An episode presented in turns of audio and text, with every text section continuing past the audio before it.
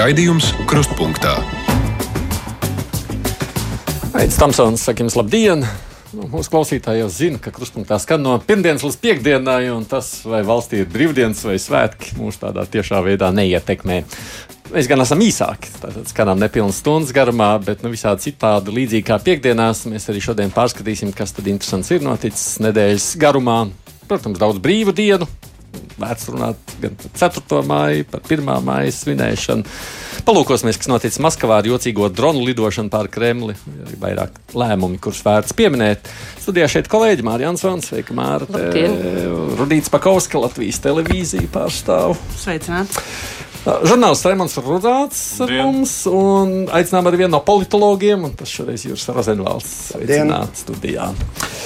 Nu, tā tad skatāmies. Mums brīvajā mikrofonā vairāk cilvēku sūdzējās, ka 4. maija nesot nekādu galdautu svētki. Protams, ka nav. nav. Kas tad tev ir?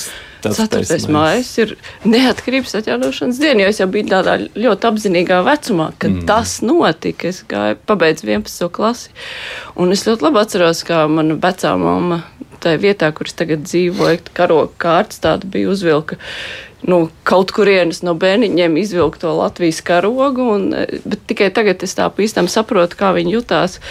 Jo tā kā neatkarība zaudēja, viņa bija jauna sieviete, nesen apprecējusies, nu, dažus gadus kā precējusies. Un, Un ka viņa to visu piedzīvo, un viņa piedzīvo, ka tas, ir, ka tas beidzās. Es tikai tagad spēju saprast, eh, cik tas daudz bija. Jo man tas bija nu, tā, ka oh, beidzot Padomju Savienība, mēs ejam projām, forši, kolosāli jauna dzīve sākās. Bet es iedomājos, ka viņai tas bija daudz, daudz, daudz, daudz vairāk. Lai gan man grūti iedomāties, es droši vien būtu bijis skeptiskāks, ja es tādu atceros tajā laikā. Starp citu, es pagājušā nedēļā atradu dienas grāmatu, ko es esmu tajās dienās rakstījis, jo es vispār nerakstu dienas grāmatas. Bet es biju trīs dienas, trīs nedēļas tādā ceļojumā, un 4. maija tajā skaitā, un man ir dienas grāmata. Es tagad gribu pārlasīt. Interesanti atcerēties sajūtas pirms trīs, trim gadiem. Remonti, ko tev 4. maija nozīmē? Nu, valsts svētki, neat, neatkarība un viss. Bet es vakar 4. maiju izmantoju ļoti racionāli. Es visu dienu strādāju, biju Jēkabpilī, Līvānos tos mm. traģiskos notikumus uh, reportēt. Tā kā nākamnedēļ varēs lasīt Delfos, bet uh, parocīgi, jo visi cilvēki bija mājās. Darba dienā pat būtu grūtāk. Mm. Juri, nu, tev droši vien ir. Nē, nē, nu, tā ir neapšaubāma. Nopietnākas atmiņas par daļu no mums. Ne, nu, Pirmkārt, es gribētu teikt, to, ka neapšaubāmi tā ir ļoti liela diena Latvijas vēsturē. Tas ir tas skaitu nekādā ziņā nevar noliegt, bet tai pašā laikā, manuprāt, ir svarīgi atzīt, ka tas bija sākums. Mhm. Ceļam sākums, jā, jo, jo būtu ļoti labi, ja mēs pieminējam no 4. māju, kad pateicām, jā, mēs gribam, un 21. augustu, kad mēs patiešām kļuvām. Jā, tas ir būtiski, jo, ja paskatās, teiksim, uz ziemeļkaimiņu Igaunijā, skaits sāk 20. augusts, tad mēs mēs saka, pieņēmām šo lēmumu, mēs kļuvām neatkarīgi. Ja mums ir interpretācija savādāk par to, ka diena ir ļoti liela. Es pats sēdēju Daugamalā, klausījos mazu portatīvo radio, kas saka, tas bija tas saviņojušais brīdis. Bet no otras puses, apzināties, ka, eh, kā, saka, nu, kā teica arī uh, Junča kungs un, uh, un Ivāna kungs, ja, ka nu, tajā brīdī Latvijai bija uh, 30% vara, 7% bija Maskava. Tāpēc bija tas ceļš iet laukā laukā. Un, un, un, un paldies! To, ka, varbūt es pat gribētu teikt, ka daudzi 90. Eh, gadā vēl nebija pārliecināti. Jā, pateikt, jā ziniet, pēc, pēc eh, gada plus mēs būsim nu, tādi, ka mums septiņas vai pār par septiņas valstīm mēnešu laikā atzīs, jā, kas neticēja, bet tā tas notika. Tā, jā, un, un es tādā ziņā gribētu teikt, ka jā, tas ir ļoti svarīgs. Nu, Eh, brīdis. Labi. Lai gan, ja to piemin Igaunija, atceramies, es atceros tajā laikā, nu, kā Lietuva bija tie, kas gāja pa priekšu. Viņi pirmie paziņoja, viņiem tas bija, nu, tā, nu viņiem arī visvairāk piedzīvoja tajā laikā visgrūtāko to pārēju uz neatkarību. Tad latvieši sekoja un Igauni tā, tā, tā nopakaļ. ne tādu lielu steigu tajā laikā. Bet viņi pieņēma tos pašus lēmumus agrāk. Jā, pieņēma līdzīgus, kā rakstīts deklarē par to, kā, kā iekļaušana padomu savienība bija nelikumīga, par to, kā atgrieza nosaukumu Igaunijas republika tādā ziņā. Jā, bet arī, ja mēs runājam, tad tie līkloči bija pietiekami nopietni, ko ņemt vērā, runāsim par tiem pašiem lietuviešiem. Tad, kad uh, Gorbžēns teica, ok, nu tad mēs, kas saka, jums to benzīnu arī nepiegādāsim, ja? tad lietuviešu simts dienām apturēja. Jā, viņi, viņi nodemonstrēja martā, jā, mēs, mēs gribam, jā, un šai ziņā patiešām viņi pirmie pateica, jā, mēs esam jā. neatkarīgi. Katrā ziņā tie ceļi bija, bija, bija atšķirīgi. Nu, Igauniem vienmēr bija raksturīgs daudz lielākā mērā pragmatisms. Nu, kaut vai atzīmēsim to, ka no vienas puses, piemēram, mēs runājam par tādām padomju, eh, var teikt, valsts paliekām kā komunistiskā partija. Ja? Tad uh, Igauniju pārstāvju, kad arī viņi teica, ka mūsu kompartija ir neatkarīga no līdz tā, kas notiek Latvijā, bet viņi līdz, 21, līdz 91. Eh, gada pučam ir, eh, ir bijuši politbirojā.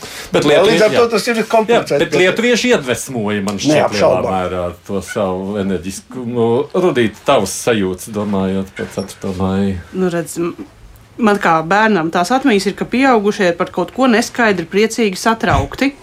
Nu, kaut kas liels notiek, bet, nu, kā bērns tev jau, nu, tev viss ir dzīvē labi, tev ir mamma un tēvs. Tas, ka viņi ir satraukti, tas ir savādāk. Bet Man patiesībā par to balto galdautu es daudz domāju. Jā. Man pašai ļoti, ļoti nepatīk tas, ka viņi sauc par baltā galdautu svētkiem. Man liekas, tā ir tāda mazliet tāda, nu, tāda nivelēšana uz leju. Bet, bet, bet tā pati doma par to, ka Nu, mēs savu identitāti veidojam no tā, ko mēs kaut ko darām kopīgi. Mums ir kopīgi svētki, ko mēs svinām, mums ir kopīgas brīvdienas, kopīgas lietas.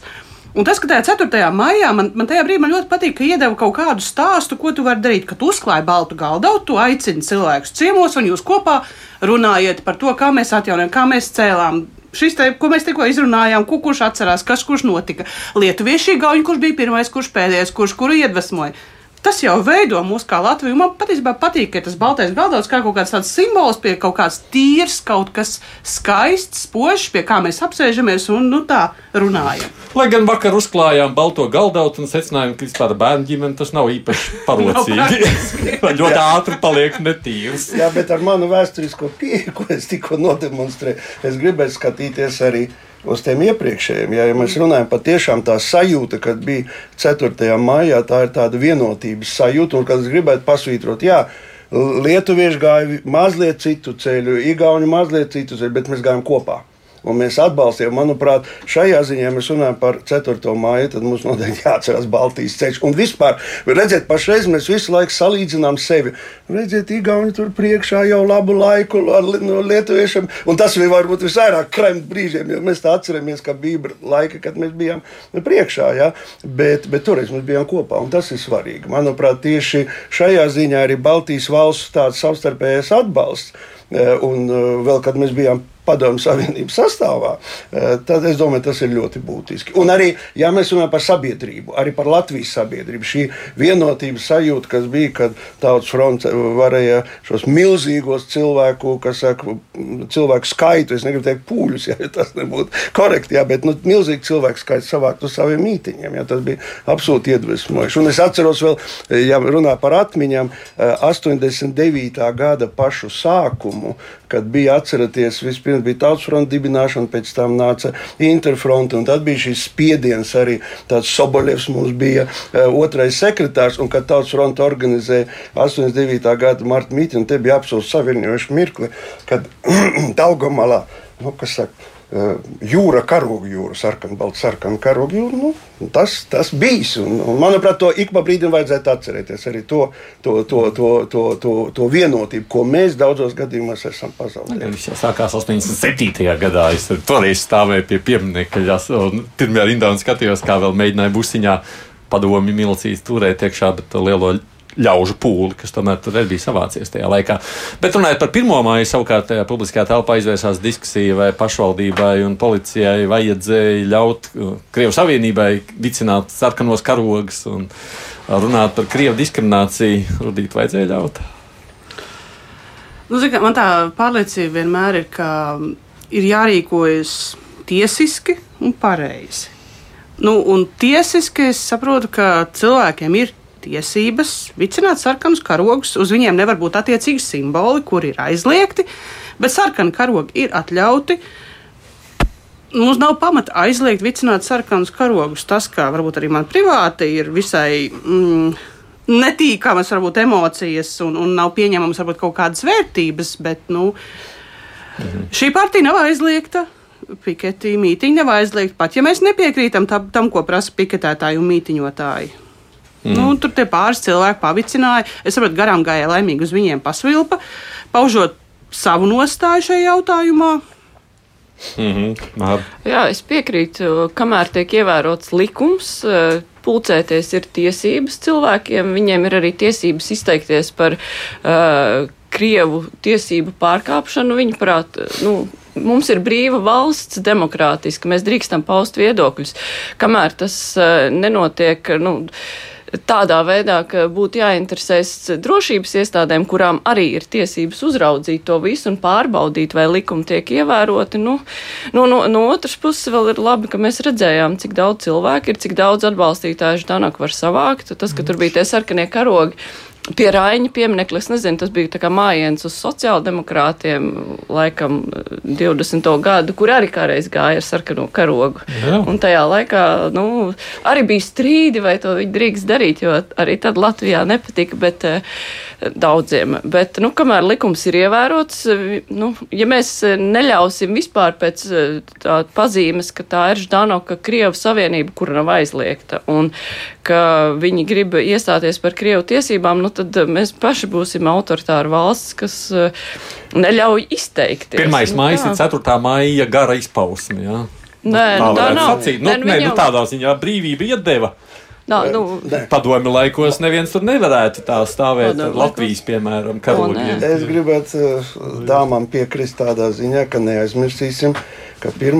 maija ir ne tikai satversmes sapulces sasaukšanas diena, bet starptautiskā, es pasūtu, tiešām starptautiskā strādnie, strādnie mhm. darba ļaužu solidaritātes diena, jā, un ko svin visā pasaulē. Jā. Un šajā ziņā, ja tur būtu, starp citu, tikai sarkanie karogi, bez tur sirpā āmuri, bet pieņemsim sarkanie karogi, tas būtu normāli šajā dienā. Jā. Bet tas, ka, protams, tur piesprāst uh, klāt uh, krievu valodas tiesības, manuprāt, tas nav īsti labs stils, jā, jo šajā ziņā nu, tie svētki nav par to. Bet citādi, protams, mēs varam, eh, man šķiet, katrā ziņā tas, ka kā nu, līdz ar, ar, ar padomu, kad, nu, kad vienkārši tās demonstrācijas visas tādas, nu, kādreiz pēc tā, pēc saraksta, nu, aizies šoreiz, jā, nu, kas saka, vajag prasa, jā, tā kā. Bet, ehm, bet tas, ka šī diena ir kaut kas, starptautiski nozīmīgs par to aizmirst. Un, nu, godīgi sakot, Rainim pašam, nu, ņemot vērā viņa sociāldemokrātisko e, ievirzi, ja, nu, Rainim diez vai būtu kāda iebilda par sarkaniem karogiem, vai ka, kas tur tālāk nu, saistās ar,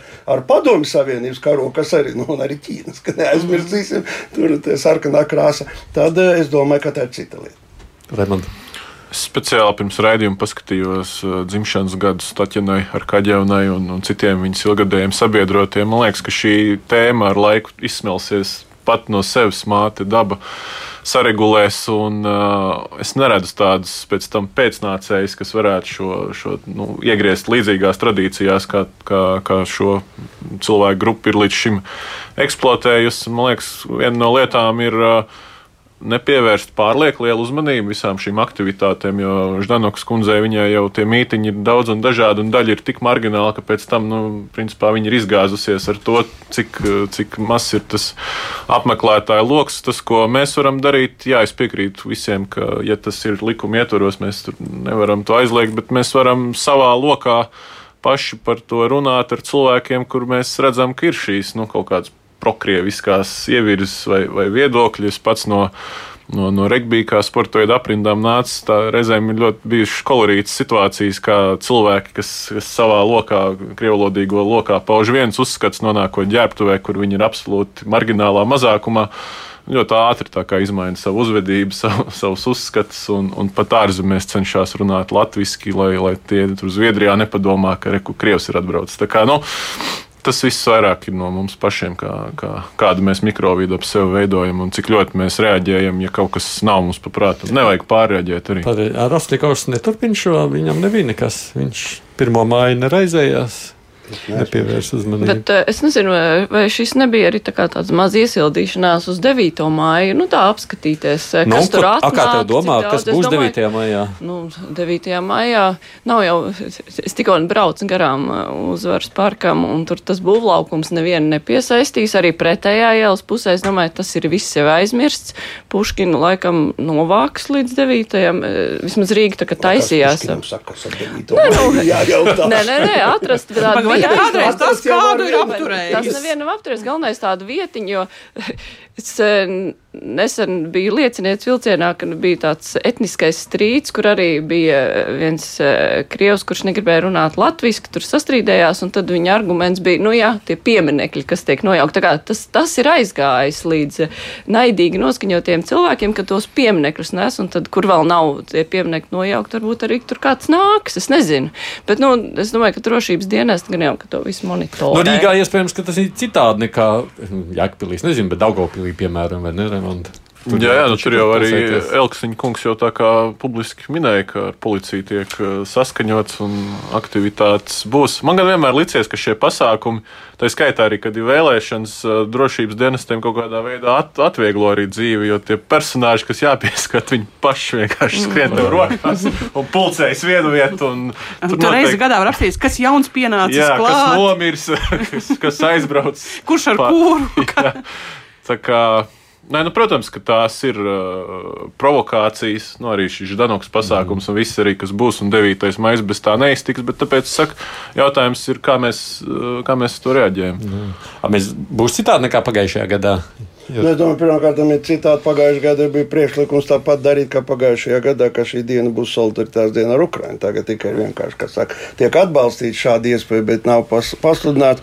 Un es gribētu teikt, ka nu, es domāju, ka visdrīzāk bez individuāli noliktām puķītēm neiztiks. Un šajā ziņā nu, es A, Kur gribu. liks tās puķis? Nu, tā ir vai diena cilvēka atrod. Pirmkārt, ir apbedījumi. Nu, Nu, nu, tā kaut ir cita tas, lieta, jā, jā, tur, tur lieta. var parādīties, kaut arī nekāda sakara nav.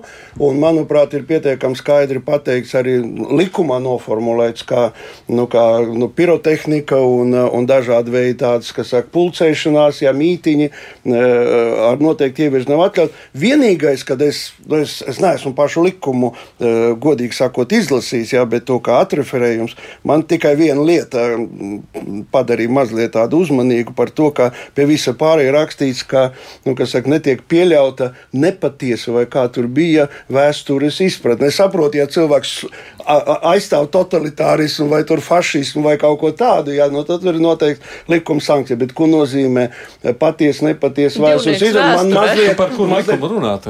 Tas ir par to 9. maiju. Jā. 9. tieši, jā. jā. Tur bija tā, vismaz atreferējumā tā bija. Un es domāju, ka nu, varbūt šeit mazliet likumdevēji nedaudz pārcentušies, tāpēc ka tad man rodās uzreiz jautājums. Jā. Nu, ja mēs runājam par vēsturi, tad par leģionu es drīkstu runāt tā, ka saka labi vai neitrāli, jā, par eh, latviešu strelnieku korpusu, nu pasarg Dievs. Jā, Bet Tad 9. maija pēc idejas ir nepareiza vēstures izpratne. Pilnīgi pareizi, astotais mājas, tāpēc tas ir. Priekš tam ir 8. maija. Ir ko piebilst? Ne? Bet uh, par to 9. maiju un tām pirotehnikām man bija tāds iekšējs jautājums. Tas varbūt interesanti, cik daudz tā kā uz jauno gadu 11. cik daudz šaus vai vispār šaus. Jo, ja ir aizliegts uh, arī, cik es saprotu, individuāli kaut ko tur uh, raķets laist. Kā to pašvaldības policija Kā kontrolēs, kontrolēs? kā viņi varēs noķert, ja kaut kur blīkšķinās, jo mūždien kāds kaut ko blīkšķina, bet šoreiz, cik es saprotu, ir jābūt pilnīgam klusumam. Nu, redzēsim, mūsu kolēģiem būs nākošajā nedēļā ko pārspriest, kā tad ir sanācis. Ejam mazliet ārpus Latvijas. Vispār jau gaisā šajās dienās man šķiet tāda pamatīga spriedze valda, runājot, ja gaidot to Ukraiņas pretuzbrukumu, lai atbrīvotu okupētās teritorijas. Un šajā sakarā tādi not, dīvaini notikumi ir iznājušies Maskavā. Šajās dienās virs Kremļa sadegot diviem droniem. Kas tur īsti un kāpēc notika? Tā ir mana tava versija. Sākšu ar viņu. Jūs pēc tam ievilks elpu. Tu tomēr dos vārdu tam, kurš gatavāks ar pieredzi runāt. Jā. Nu, saki. Nē, nu es domāju, ka pašreiz uh, atbildēt uz jautājumu, uh, kas palaid šos dronus, jā, nu, ir pilnīga spekulācija, jo skaidrs tas, ka nekas nav skaidrs, jā, jo skatoties pēc principa, kam tas ir izdevīgi, nu, vai to darīja Ukraiņa vai kāda. Faktiski trīs versijas eh, atskan. Jā, vai to darīja pati Ukraiņa, jā, vai to darīja kādi vai nu diversanti, vai eh, kaut kādas grupas, vai, vai arī varbūt Krievijā kādi, eh, kam nepatīk tas, kas notiek, palaisti. un vai nu to darīja Krievija, nu, lai pati pēc tam izmanto, ka ieganstu. Ja? Kas ir vismazāk ticams, starp citu, ja, Kāpēc? tāpēc, ka nu, viņi jau visu ir izdarījuši, un viņi, kas saka, kāds iegans vēl viņam vajadzīgs. Viņi, teica, paša Hersona ir apšaudījuši, jā, un skaidrā, skaidri mērķējuši pa, pa pašu pilsētas centru, jā, vai tur mm -hmm. supermarketu, vai, vai tirgus, vai ko tam līdzīgi. Jā. Bet, manuprāt, saistībā ar šo, ar šo notikumu, nu, v, v, Vēl viens arguments, ka, ka to varētu nebūt izdarījusi Krievija. Nu, es saku, varētu būt, jo Jā. droši ir tas, ka pirmkārt viņi paziņots publiskajā telpā tikai 12 stundas pēc tam, kad tas ir noticis. Jā, tur bija jau parā, tad, kad kļuva skaidrs, ka noslēpt nevar, jā, jo pat ir, ir pa- parādījušies video eh, internetā, sociālajos tīklos, tā tika paziņots. Jā, un, un, Tas ir pirmais, un otrkārt, manuprāt, no šī notikuma Krievijai ir vairāk, nu, kā lai saka, vairāk Slikta nekā laba, ja? slikta nekā laba. Jo pirmkārt, tas neapšaubām atgādina Matiesa Rusta nosēšanos eh, sarkanajā laukumā, ja, kad uzdeva jautājumu visa pasaule, kur tā padomju pretgaisa aizsardzību, jo Cessna varēja atlidot jā, no, no Somijas, liekas, puses lido. Un izrādās, caur visai Krievijai var atlidot, nosēt sarkanajā laukumā, un tad viss tikai brīnās. No, ko šeit ir kaut kas līdzīgs, turklāt tas parāda pirmām kārtām to, ka Krievijai Krievija nebija gatava, nu, acīm redzot, cerēja uz trim dienām, un, un Kīva un pa Krišķaķiku, kas saka, parādīja, bet eh, tas neiznāca. Un izrādās, ka sistēma nav gatava. Nav tās reāli pretgaisa aizsardzības. Nu, kā, nu, ja Kremlim, ja, ja, ja uzsprāgst drons virs eh, kupola, ja tā, eh, ko simboliski, eh, un izraisa pat ugunsgrēku, nu, nelielu samērā, ja. Eh, Un te vēl viena interesanta detaļa, ka cilvēki ir ziņojuši par to, redzējuši, ka tie droni lido, bet nebija tam pievērsts uzmanību kārtējai šīs, kas ir krievu avos. Jā. Nu, gan jau kaut kā, jā. bet tad, kad jau š- droni šķērsoja to loka, tas MKD, jā, kā viņi tas loka, loka, loka ceļš jā, ap Maskavu, nu, tad jau bija par vēlu. Jā. Un šajā ziņā man liekas, ka nu, nu, Ukraiņi eh, konsekventi neatzīst to, ko, ko viņi darīja. Bet, mm -hmm. Nu, bet, labi, tā bet pavērs, ar, jā. ar, ar tiltu, piemēram, Krimas tiltu varēja saprast, ja, vai tas ir kaut ko jaunu, psiholoģiski, varbūt, varbūt tas ir arī sākums tam pretuzbrukumam. jā. Labi, Rodīt. Man jāpiekrīt, ka mēs šeit nenoskaidrosim, kas patiesībā notika. Es, jū, es prasu jums Um, versiju. Es pilnīgi piekrītu tajā, tajā. versijā, ka es neticu, ka tā ir krieva provokācija. Jo es atvainojos, bet virsraksts uh, Putins nav cietis Ukrainas dronu Mhm. uzbrukumā Kremlim ir apkaunojums. Tas ir apkaunojums. Tas nekādā veidā nekonsolidē tautu, neliek visiem paķert, aiziet pierakstīties, karot, jo redz, ka apbežo mūs. Tas ir tāds, kas pie vēl notiek Maskavā, ja Ukraiņu droni mierīgi lido uz Kremli. Nu, tas, ne, es neredzu viņiem tur to ieguvumu. Ukraiņas pusē es arī īsti neredzu ieguvumu, lai gan varbūt tā ir kaut kāda smalka psiholoģiska operācija. Jo būsim godīgi, Ukrāņi to diezgan veiksmīgi dara. Viņi pirms jebkuriem uzbrukumiem eleganti troļļo. Ļoti eleganti ar visādiem mums. Es atceros, cik mums te tagad tās um, degvielas pārstrādes uh, vietas šobrīd Krievijā deg. Man liekas, konstanti divas, trīs. Jā, jā, katru dienu. Jā, katru dienu pārītas. Uh, Man tā personīgi liekas, ka visticamākā versija, ka šie ir, ja tā varētu teikt, nevalstiskie aktori. Cilvēki, kas rīkojās, nu, kaut kāda entuziastu grupa, kuriem ir kaut kādas tehniskās zināšanas, kaut kādas iespējas, nu, tad kāpēc ne? Tava versija. Nu, tad paskatīties, labi. kā pasaule deg. Māra. Jā, man arī es tā neesmu gan lasījusi, bet nu, Krievijā taču arī ir eh, visādas cilvēku grupas eh, iekšienē, kuras nav apmierinātas ar eh, to, kas notiek valstī, kuri nu, ar kaut kādiem varbūt mazliet citiem līdzekļiem mēģina kaut ko izdarīt, jo, nu, Es atceros, ka es strādāju Maskavā tur pirms desmitā gada. Arī tad bija visādi jaunieši, tas pats pusī rēt, tās meitenes, tur viņi bija lielāka grupa, mēs ar viņiem arī mēs viņus filmējām kādreiz. Un tad viņi tur arī taisīja visādas tādas akcijas tur. Nu, tīri, lai parādītu, ka mēs varam tur KGB kaut ko degungalā izdarīt. Un eh, es domāju, ka tādi tur ir joprojām, kas kaut ko dara. Es nezinu, cik augstā līmenī, bet pilnīgi pieļauju, ka varbūt tas, to ir kāda tāda grupa izdarījusi. Bet, es, protams, nezinu. Nē, protams, neviens mm -hmm. nezina, Raimond, tev tāda noklausījies versijas, tev ir iespēja Jā, es izvēlēties, kam tu piekrīti. Nespekulēšu ar versijām, nav man tādas priekšzināšanas, pretizlūkošanā, nav informācijas, bet uh, tas, kas izskanēja, ko es arī gribētu piebilst, ka sabiedrībā, man liekas, arvien vairāk, uh, nu, Krievijas sabiedrībā šī neticība Putinam, šī, šis kara absurdums sāk spraukties ārā. Es iesaku YouTube ļoti interesants tāds kanāls, ko veido Krievu jaunieši. Saucās 1420, un tur viņi ielu intervijas gan Maskavā, gan Sanktpēterburgā, gan arī brauc uz sāģām. Un ar subtitriem angļu valodā rāda pasaulē, ko domā krievu dvēseli. Un viņi tā ļoti konstanti katru dienu taisa saturu un, un visu laiku šīs kara tēmas. Viņi, protams, pajautāt arī sāģā cilvēkiem, tādiem pensijas vecuma, caur tādu naivu uh, ironiju. Nu, nu, pieņemsim, vai mums tagad vajadzētu okupēt Somiju, ja, jo redz, viņi tur stājās, vai Zviedriju, ko mums ar Zviedriju darīt, uh, ko mums vajadzētu nākamos okupēt. Ja, un, uh, un tad ir interesanti, ka, ka Maskava un Sanktpēterburga tur arvien vairāk ir tādi inteliģenti cilvēki, kas saka, ka šis karš ir bezjēdzīgs un vispār mums jānokaunās un tādā garā. Un sāģa atkal tur otrādi, tur tāda veča ap 80 saka, un ko tad tie amerikāņi iedomājas, mums nospiest vienu pogu un Vašingtona būs kaput, ja?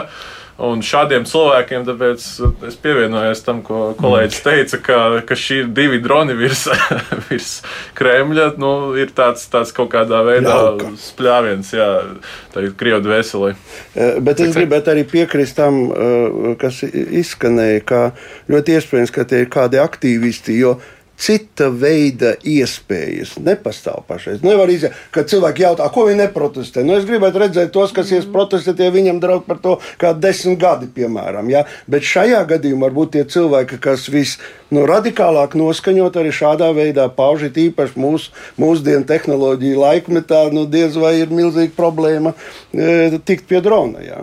Nu, mums viens klausītājs domā, ka tā vispār ir video montāža un ka nekāda tur nav bijuši droni un nekas nav lidojuši. Bet tur Nu, jau laikam pēc tam bija nākamajā dienā bija tā attēli ar to ugunsgrēku sekām.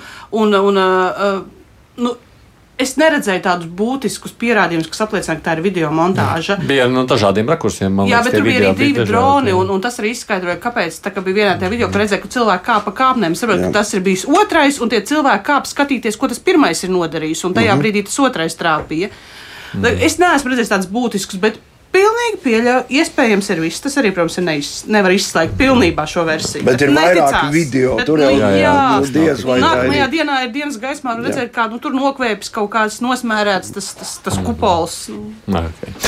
Atgādini tikai šeit mums ir no maniem komentētājiem, studijas viesiem Juris Arzenvāls, politologs un arī kolēģi Remans Rudzāts, Rudīts Pakovski, Mārija Ansoni.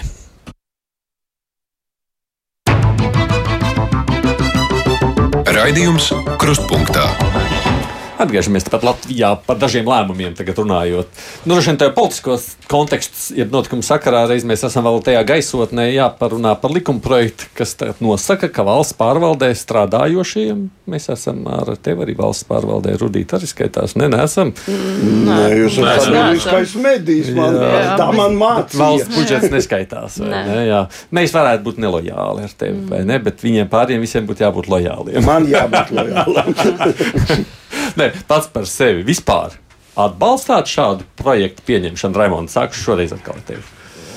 Vienmēr liekas slidens visas šīs lietas, jo pats virsraksts uh, lojalitāte uzreiz ir liek uzdot simts papildu jautājumus, kā mērīt. Labi, tu, kam lojāls, piemēram? jā, jā, jā. Tu esi lojāls Latvijas valstī. No, tas ir labs jautājums. Ņemot vērā, ka es himnu nekad nedziedu un būtu no tiem, kas parakstās par himnas maiņu, tad uh, vai, vai es arī nepakļūstu zem ne, nelojalitātes. Tur gan uh, Dombrovs kungs skaidroja, uh, nu, ko likumprojektā, tā kā, ko tas varētu ietvert, ja, un ka tas tur nebūs. Ka, mm, Drīkstēs jau kritizēt valsts varu un ironizēt, un, un, un tādā garā. Bet, bet pat ideja vienalga man liekas ļoti slidena, un es te varētu atgriezties pie tā, ko es minēju, ka, ka visas šīs iestādes jau kāds vada, tur ir kolēģi. Un, ja ir kaut kādi elementi, nu, ir, ir vairāki veidi, kā no tiem cilvēkiem nu, vai, nu, Tik vaļā? tikt vaļā, vai likt viņiem noprast, ka nu, jūsu klātbūtne šeit nav vēlama. Nu, nezinu, nu, to, to var uh, darīt. Nu, protams, ja kāds tur nāk izrotājies tur, uh, ar, ar, ar padomju simboliku uz darbu, bet tādu nav noteikti. Nu, Zvaigznēm un kārtas. tad, Pat tad jau policijai darbs Jā, laiks jā, tas ir aizliegts. savādāk, bet, bet uh, es saku, ļoti, ļoti slideni šis var būt. Un te ir pat kaut kādi vēl aspekti, kurus mēs ne, neparedzam šobrīd. Rudīt. Nu, zini, es tieši par šo ļoti daudz domāju. Jo, protams, tā pirmais instinkts ir tāds, ka nu, valsts pārvaldē strādāt valstī nelojāliem cilvēkiem, tas ir tā kā strādāt slimnīcā un neticēt mikrobiem. Agri vai vēl tu kādu nomušīs šitā neticot mikrobiem. Bet no otras puses man ir. Kā mēs mērīsim lojalitāti? Kurš Un mani, darīs jā, un mani nemierina Dombrovas kungas izteikumi, ka nē, nē, mēs jau šito nemērīsim, jo tiesu jau spriedīs pēc likuma, nevis pēc Dombrovas komentāriem. Nu, kurā brīdī, ja tu kritizē iestādes vadītāju vai nezinu, kaut kādu kontekstu vai situāciju, un tev paziņo, nu, viss, visa kritika ir Kremļa vārdā, tas ir nelojāli, tas grauj Latviju. Kur mēs vilksim to robu? Man vienmēr šis te. Nu, tur, tur ir Tāds tāds ļoti- Ka, ka tā robeža nu, ka par, par teritoriālo un tādu nu, aicinājumu uz kaut kādu tur iekārtas maiņu, nu, ka kritika kā kritika, tā kā ne, bet- tas nav. Bet, bet es garā acīm pilnīgi varu iedomāties, ka, ja tu saki šito un kritizē tā, tu um, veicini šo te dienas kārtību, kura galu galā ir uz teritoriālās integritātes graušanu un visu. Kas un tā- parāda, ka Latvija ir neizdevusies valsts. Jā, jā, jā. jā. Un, un tā, tad tas ir Kremļa narratīvs. Nē, es, es pieļauju, ka nu, tas- šis tapa pēc uh, elkstiņa izgājieniem visādiem. Nu, ka, ka bija doma tāda, nu, ka pašvaldībā nevar strādāt nelojāli cilvēki. Un uh, tad uh, uzreiz tā, jā, nu kā gan tas tā varētu būt, kur skatās ministrs. Uh, tajā brīdī, kad prasa kādam, nu, kurš no tiesību sargājušajām iestādēm, nu, un ko, nu, kā mēs varētu novērtēt, viņš tad ir lojāls vai nav lojāls, ja šāds likums ir pieņemts, nu, tad uzreiz, nu, ka ir nepieciešama drošības dienestu, kaut kādi atzinumi, Tu- nu, tur nevar tā kā partijas slē, arī slēgt, ka uzreiz vienkārši hops un aizslēdzam. Nē, tur ir tāda ķēdīta, tāda gara, un man ir aizdomas, ka ar to visu tur tāpat. Nu, teiksim tā, kurš gribēs būt viltīgi, nejola, nejola, nelojāls, viņam tas izdosies tāpat, bet, ja kādam gribējās sabojāt dzīvi, es nezinu, varbūt tur varbūt sāksies kaut kādas tiesas, bet es nedomāju, ka tam vispār būs kaut kāds, ka, ka tas dos kaut kādu rezultātu, jo tas būs tikai tāds likums, kuram Mhm. nav saguma, jo nav jau kurš izvērtē, ir vai nav lojāls. Atceramies toreiz Mamikina stāstu. Viņš kur centrālā statistikas pārvaldē, kur viņš tur sāk strādāt, un tad tur visi brauc, brauc, brauc virsū, un tad tur meklēja iespēju kādā veidā centrālajai statistikas pārvaldē beigt tās darba attiecības ar Mamikinu. Nu, beig, beigās, kurš tur no kuras šķīrās, neatceros, bet fakts kā tāds tur beidzās. Vai to vajag, vai to nevajag? Lūk, pieminētais Elksniņas stāsts, un tad droši vien vēl Bartaševičs kādu varētu piepīt klāt. Nē, nu man ir arī ļoti, ļoti tādas mm, divatnīgas sajūtas šajā sakarā. No vienas puses, kā ideja, protams, ka jā. Nu, nu, kurš iebildīs to, ka jābūt? Bet uh, tur es pilnīgi piekrītu jautājums par definīciju.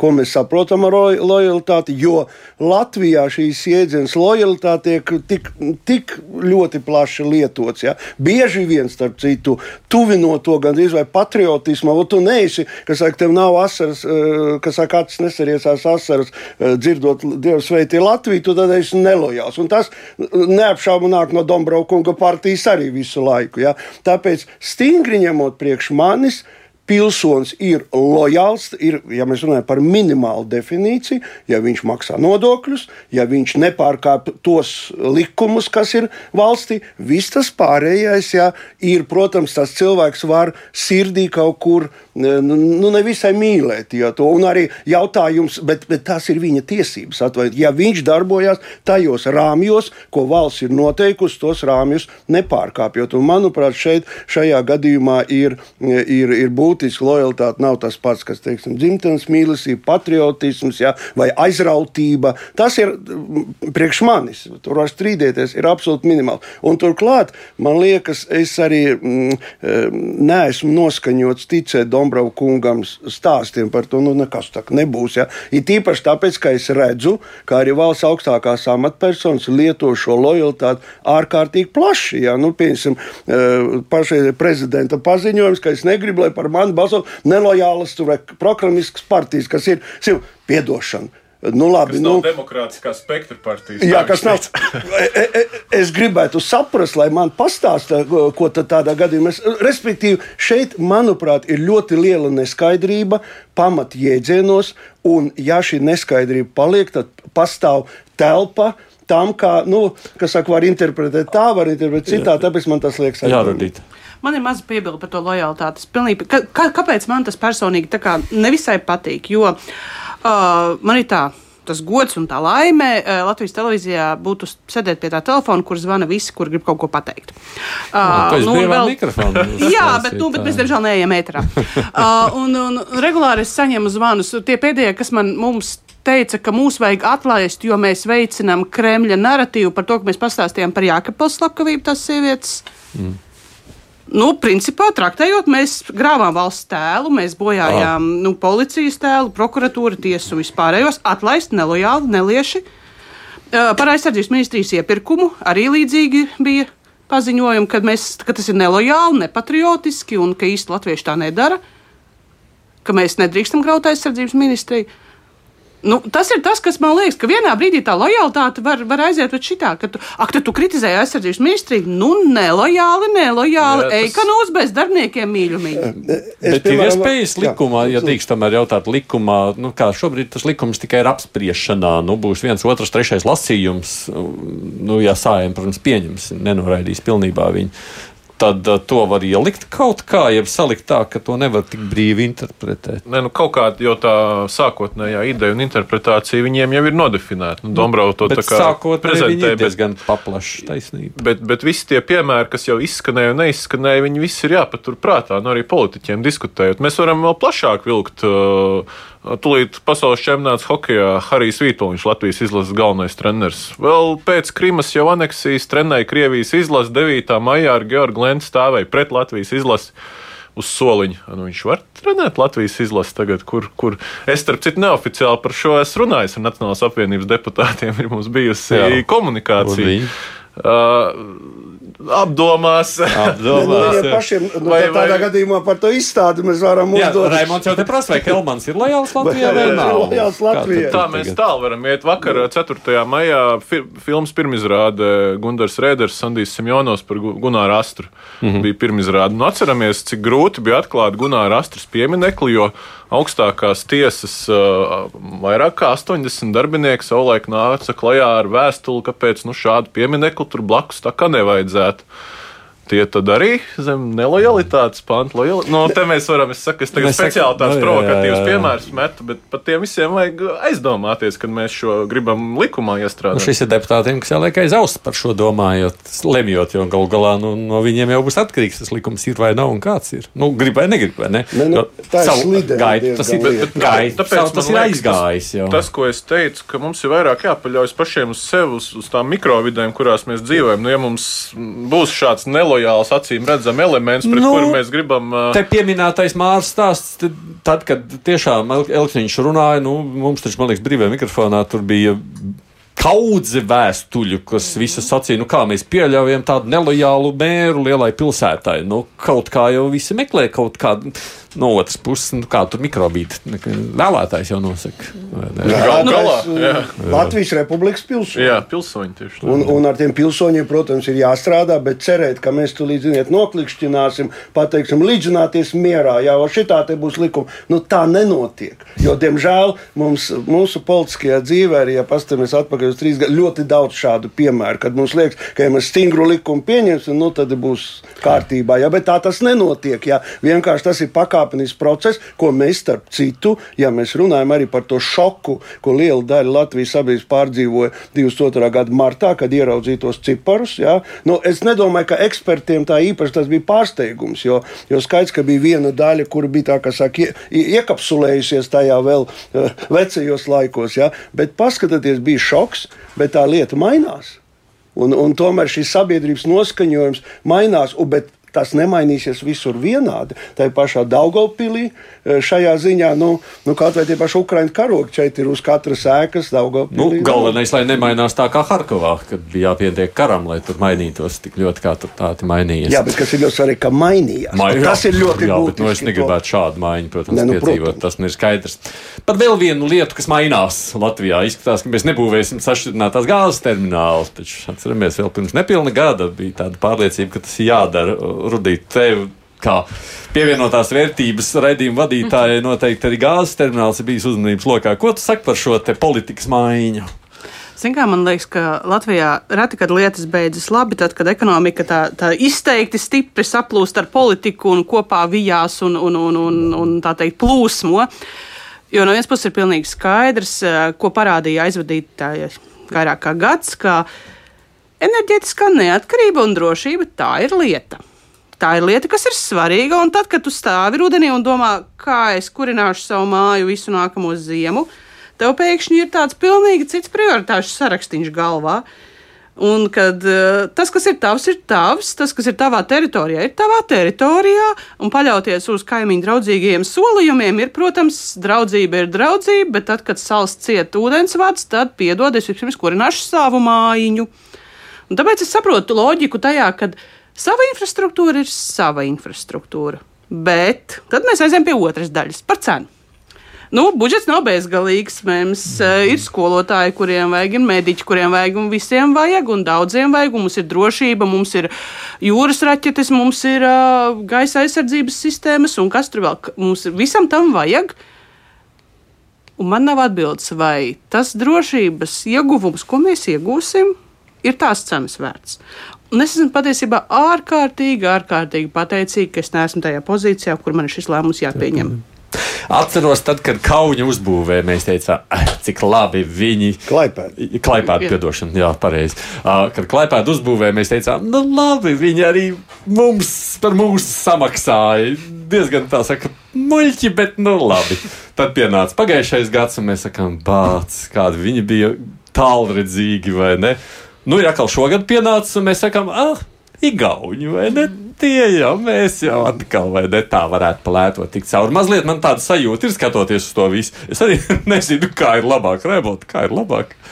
Un Es arī labi, ka neesmu tajā pozīcijā, bet uh, tas, ko Rudīte teica, ka šis bija piemērs, kur ļoti politika bija saugusi ar, ar, ar biznesa interesēm, tur tas lobbyisms tur netika pat noliegts. Ja. Es pagāju cauri tai vēsturei, arī ko eksperti nozars ir teikuši par to skuldas ideju. Nu, nebija tā, ka tur sajūsmā spiedzi. Ja. Tur, tur, tur, tur ostu cilvēki teica, vajadzētu jau pie esošas ostu infrastruktūras. Vēlams tās, kur viņi ir kaut kādā Protams, jā, jā, jā. jā, jā. Uh, Politiskās partijas, tur, tur opozīcija pret skulti, pozīcija sākumā par uh, ekonomikas ministriju, un, un pēc tam arī tā kā mainās valdības maiņas, starp citu, arī mazliet pamainīja narratīvu šajā. Pilnīgi noteikti apvienotā saraksta ienākšana to Jā, jā, jā, tā izmainīja. kā nu, tik samocīts tas process bija, ka, ka šāds, šāda nonākšana uz sēkļu jau laikam bija neizbēgama. Bet ilgtermiņš parādīs tas, ko Kā tu minēji. taisnība tagad atkal, jā, bet tas ilgtermiņš kādreiz kādā brīdī nevar saprast, bet, cik ilgā termiņā jāskatās. Nu, bet, uh, tas jau tas uh, tā notikuma secība ļoti loģiska. Jau pagājušajā gadā, ka pēkšņi visi nonāca pie mirkļa, kad ir kaut kā jārisina gāzes piegādes. Skaidrs, ka iestājas tāda nedaudz panika, un tad uzreiz "Ah, tā, nu, tā vajag ātri, ātri to skulti virzīt. Pēc tam, uh, nu, skul bez skultes mēs nodzīvojām vienu ziemu. Izrādījās, ka varējām izdzīvot, jā. nodzīvot. Te. Un tad vēl Igauniem termināls, un tad jau sāk rēķināt, ka tur var tik atvest, tur var tik atvest, Somiem var tik, un sāc dalīt, un jā, kāpēc gan mēs nevarētu iztikt? Turklāt mēs taču nākotnē gribam vispār iet Bez projām gāzes, no ne? gāzes, jo tāpēc, un tad, eh, ja pēc kaut kādiem 10, 20 gadiem mums tas gāzes daļa būs pavisam vēl samazināta, un mēs attīstam elektrību, nu kāpēc mums ieguldīties tik ļoti Un no tai tāda gāzē? ilgtermiņa skatoties, vai ne, Jā, kā mēs lūkojamies. un tā rēķināšana ne? labāk, ka sākas ātrāk nekā vēlāk, citādāk uzbūvētu un nedod Dievs eh, valsts tur būtu uzņēmusies kaut kādas milzas saistības un pēc tam maksātu un maksātu par kaut ko, kas tev nemaz nav tik ļoti vairs vajadzīgs. Nu, jo no politologa viedokļa, kā tas izskatās. Nē, nu, ko politologs daudz var teikt par gāzes eh, cenām un tam līdzīgām lietām, par to es nedaudz šaubu, bet man ir, man ir arī, eh, nezinu, kā jums, bet man ir tā tīri personiski attieksme par šo projektu iemesla dēļ, ka es dzīvoju skultē mm. un dodos peldēties uz to pludmali, kur pie apvāršanas stāvētu kuģis ja, ar visām tām milzīgām bumbām vai kas tur būtu paredzēts. Ja. Bet uh, tur patiešām es, es gribētu teikt, ka nu, vairāk aspektu. No vienas puses, protams, ir nu, diezgan nožēlojami viss tā cīniņi uz vienu pusi, uz otru pusi, ka tu tur nevar saprast galu galā kāda loģika. No otras puses, lasu to, ko saka eksperti. Jā, nu, tāds lēmums galu galā nu, ir, ir, ir pareizs. Nu, to vismaz es izlasu uh, presē. No otras puses, es tā pie sevis domāju un gribu ticēt tiem argumentiem, kas saka, ka jebkurā gadījumā mēs varam brāļoties, draudzēties ar somiem un igauniem. Jā, bet, uh, bet uh, nu, cik es saprotu, tomēr skultas termināls pēc definīcijas piegādās lētāk gāzi nekā paldiski vai tur kas tur sauc saucās Somijā. Es nezinu, tā vienkārši iemesla dēļ, ka no skultas var tieši pumpēt iekšā Inču kalnā. Un man nav pārliecības par to. Es gribu ticēt, ka tā tas ir, ka mums ir pietiekami daudz tādu gudru prātu, kas spēs rīkoties strateģiski ar Inču kalnu, tāpat kā lietuvieši rīkojas ar savu terminālu, kur viņi nu, ir panākuši arī nu, tos eh, ilgtermiņa līgumus, viss viņiem, vis viņiem eh, tā kā kārtībā. Līdz ar to nu, redzēsim, man tāda zināma bažas ir par to, Šeit patiešām nu, šo ziemu pārlaidām.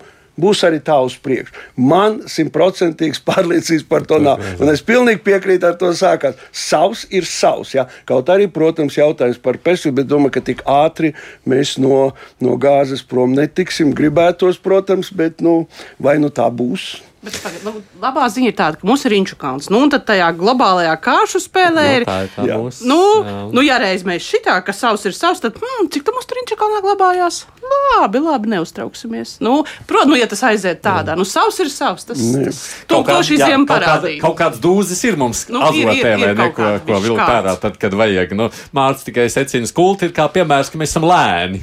Tāpat kā kādā sākumā, nu, būs biznesa, vedīsim, vai ne? Un, kamēr dalījām neeksistējošo naudu, kamēr Vācija, Polija, Lietuva dara. Nu, te viņš runā arī par kravām. Vēl viens lēmums, ko es gribu pieminēt, proti, nepatika daudzos raisīs Nacionālās veselības dienas paziņojums, ka e-veselība no nākamā gada varēs piekļūt tikai ar elektronisko parakstu. Nu, iespējams, tāds. Nu, it kā sīkums, bet nu, no, no tā, pat arī no nākotnes, no tā teiktā var saprast, ka nākotnē vispār valsts pārvalde grib pamazām atteikties, ne, neļaus šīs privātās drošības rīkus izmantot un pāriet tikai uz, uz šo te, nu, valsts izstrādāto. Bija jau Un tas- skaidrojums, ka tas ir pagaidām, ka tāpat tās banku autentifikācija drīkstēs būt pagaidām, ka tas jau Jā, tā jā. bija ielikt sākotnēji, un ka tagad pakāpeniski ies prom un ies prom. Par to e-veselību es nezinu, vai tā ir tāda milzīga drāma tieši ikdienas lietotājiem, jo es personīgi e-veselību nelietoju. Dakteri, Nemā- tur vairāk dakteri Tas ir sūdzās, doktoriem, jā. dakteri sūdzās. Un, eh, nu, doktori droši vien eh, mācēs sadabūt e-parakstu. Nu, Varbūt, jā, tādā ziņā, jo bet, viņiem arī protams, turklāt tajā ir- brīdī, kad tu ej, nu, tu Jā. jau pati labi zini, ja tu gribi atvērt savu e-parakstu, tad tu sākumā, it īpaši, ja vēl datorā tu strādā kā dakteris, strādā, mm. -hmm. nozīmē, tad tu ej, tu meklē to pieslēgumu, ja, tad tev ir jāliek iekšā tā karta, tev pin kods viens, pin kods divi, vai ne? Nu, jā, nē, bet tas ir tu kaut kā cauri. noteikti risināts, jo tagad, kad visiem ir obligāts elektroniskais paraksts, kuru es personīgi Latvijā LV bez e-paraksta nespēju uztaisīt, tas nozīmē, ka visiem, kuri kaut ko dara, viņiem, nu, man liekas, ir jābūt šim te, ele, šim te oficiālajai e-adresē, un cilvēki kaut kā ir pieļauju, ir tikuši ar to galā. Protams, ja tas tiktu uzspiests kā tāda ikdienas nepieciešamība cilvēkiem, nu, kuri, teiksim, šādus telefonus nemaz nelieto, vai arī nelieto to pašu e-parakstu, es saprastu, ka tas būtu sūdzīgi, bet eh, e-veselība, man liekas, ka nav tas pakalpojums, ar kuru visi nodarbojas, ja vien viņi nav ārstniecības personas. Ir. Man tā galvenā bažas, nu, ņemot vērā to, ka man pašam pēdējās nedēļās ir diezgan bēdīga pieredze ar elektronisko parakstu, kuru man pēkšņi atslēdza. un Tagad es tur cīnos ierodas un mēģina kaut ko. Ja? Un es konstatēju, no savā ziņā, balstoties uz savu ierobežoto pieredzi, man bija darīšana ar būvniecības portālu, mm. kur man liekas, daudzi saka, ka bez puslitra saprast nevar, ko grib. Ja? Jo tur patiešām tu, tu, tu, tu kas saka, klejo. Ja? Un tad manī nostiprinājās tāda atziņa, varbūt ļoti kļūdaina, ja, ka Latvijā nu, ir kaut kāda notiek tāda negatīva atlase. Atrod tādus datoriķus, kas uztaisa ve, eh, parastām, normālām lietotājiem, pat tas, kas katru dienu lieto datoru, nedraudzīgu programmu, piecus gadus to pilnveido, lai saprastu, ka jātaisa pilnīgi no jauna. Tā kā ir arī veselība. Ja. Un redziet, man, piemēram, arī tīri praktiskam lietotājiem, es lietoju visu laiku bankas autentifikāciju. Un tad tur raksta, ja jūs, nu, kā es izlasīju, tālāk netieku, bet saka, ziniet, tad PIN 1, PIN 2, un tad būs bankas autentifikācija. Es uzrakstīju vēstuli, prasu, vai tas ir aizvieto banku, vai tas ir paralēli bankai. Man tas ir būtiski. Ja. Es nekādu atbildi nevaru saņemt. Ja. Manuprāt, ļoti daudzas lietas šeit būtu, un tas ir jautājums visai um, daudzos gadījumos valsts um, struktūrām. Ja. Nu, esiet saprotami cilvēkiem. Mm -hmm. ja, pat tādiem, es nezinu, ko dara kāda tāda tantiņa kaut kur, kurai varbūt, teiksim, bibliotekā ir tas dators, pie kā viņi kādreiz mēģina. Ja, bet tie cilvēki, kas strādā katru dienu, to arī saprast nevar. Ja, un šajā ziņā tā ir milzīga problēma, man liekas, Latvijā. Nu, tā kā uzrakstiet to skaidru pamācību, es to izlasīšu un darīšu, kur visi tie punkti ir, ir atzīmēti. Nu, man, ja. zināmā mērā, tā ir tāda sajūta, ka tā ir tāda. Nu, tas uzstādījums drošība pret ērtību, vai ne? Nu, te, E-paraksts saka, viņi ir droši. Bet kurš teica, ka drošam ir jābūt nē? Tieši tā. Nu, kas tā ir par tādu, nu, tā, ja tu cieti, tad tas ir labi. Nu, kas tas par tādu sadismu pulciņu? Jā. Nu, tā nevar. Es kā cilvēks, kurš um, nodrošina tehnisko atbalstu vairākiem vecāku gadagājumu mm. cilvēkiem, kuriem varbūt ir šī digitālā plaisa nedaudz, man šī ziņa pildīja ar absolūtu paniku. Absolūtu. Jo ar bankas to smart ID mēs kaut kā jau visi esam iemācījušies to darīt, un viss notiek. Un tad es atceros to vienīgo reizi, kad es mēģināju kaut ko parakstīt ar e-parakstu. Kas es gribētu teikt, principā bija absurda kino, jo man bija gluks, par kuru tas viņu atbalsta dienas teica, nezinu, nu, nu nezinām dīvaini. Pamēģiniet uz citu datoru. Jā, mēs tā septiņi datori, uz kuriem var pamēģināt mājās. Lieliski. Bet beigās tas viss nostrādāja tā, ka man bija portatīviem datoram bija jāatvieno ārējā klaviatūra, jo ievadot, nu tā kā man pieslēgta klaviatūra, lai ērtāk rakstītu, ievadot ar to nestrādāja paroli, nevienu neņēma. Ja es uzrakstīju uz portatīvā klaviatūras, tad viņš paņēma, un man tas bija jādara ar uh, internetu pārlūku, ko es nelietoju ikdienā, pirms tam viņam iztīrot šos sīkfailus cepumiņus. Un tā kā es izpildīju šīs divas darbības, viņš man paņēma un ļāva parakstīt. Un es iedomājos, ka man šī ideja ar grabuli ir jāizpilda katru reizi, kad man um, kāds gribēs apskatīties, kādas viņam tā receptītes, vai tā receptīte man jau e-veselībā ir izrakstīta, vai es varu droši uz aptieku braukt. Es negribu. Lūdzu, nē. Jā, bet tāds izskatās, ka tā neizbēgamais stāsts. Plus, man droši vien, tu saki, ka tu vairākiem veciem ļaudīm nu, palīdzi. Man kolēģi par to tieši raizējās, sakot, nu, kas tāds notiks. Ja? Tas notiks, ka visticamāk viens uh, vecs cilvēks sacīs Raimondam, nu, palīdzi man. Jā, jā. Un iedos tev savu e-parakstu. Tu varēsi pēc tam māju paņemt, pārrakstīt Mierīgi. sev, ja gribēsi. Tāpēc es gribēju oponēt, ka e-paraksts kā drošība, man liekas, tieši, mm. tieši otrā. Nav jau iebildumu pret parakstu kā tādu, bet jautājums, ka tam jābūt sagatavotam attiecīgi visi nu, paskaidrojumi, visi, lai tas cilvēks var apsēsties, izlasīt kaut vai, kas saka, pusgrozbuhu, ja, bet viņš saprot, Viņš atrod nu, tā kā pamācību, normāli, bet tādas nav. Tur jau tā lieta. Un, un es sēžu un gudroju, vai es aizvietošu savu bankas autentifikāciju vai nē. Un neviens nevar pateikt. Neko nav rakstīts. Tās pamācības, viņas ir bieži vien tādā ne, ne cilvēkiem domātā valodā uzrakstīts. Tas, jā. Jā. tas ir vecais likums. Jo tev ir sarežģītāk paroles noteikumi, tur uh, septiņi noteikumi, kas tev jāizpild, jo lielāka iespēja, ka parole ir pielīmēta pie monitora. Mm.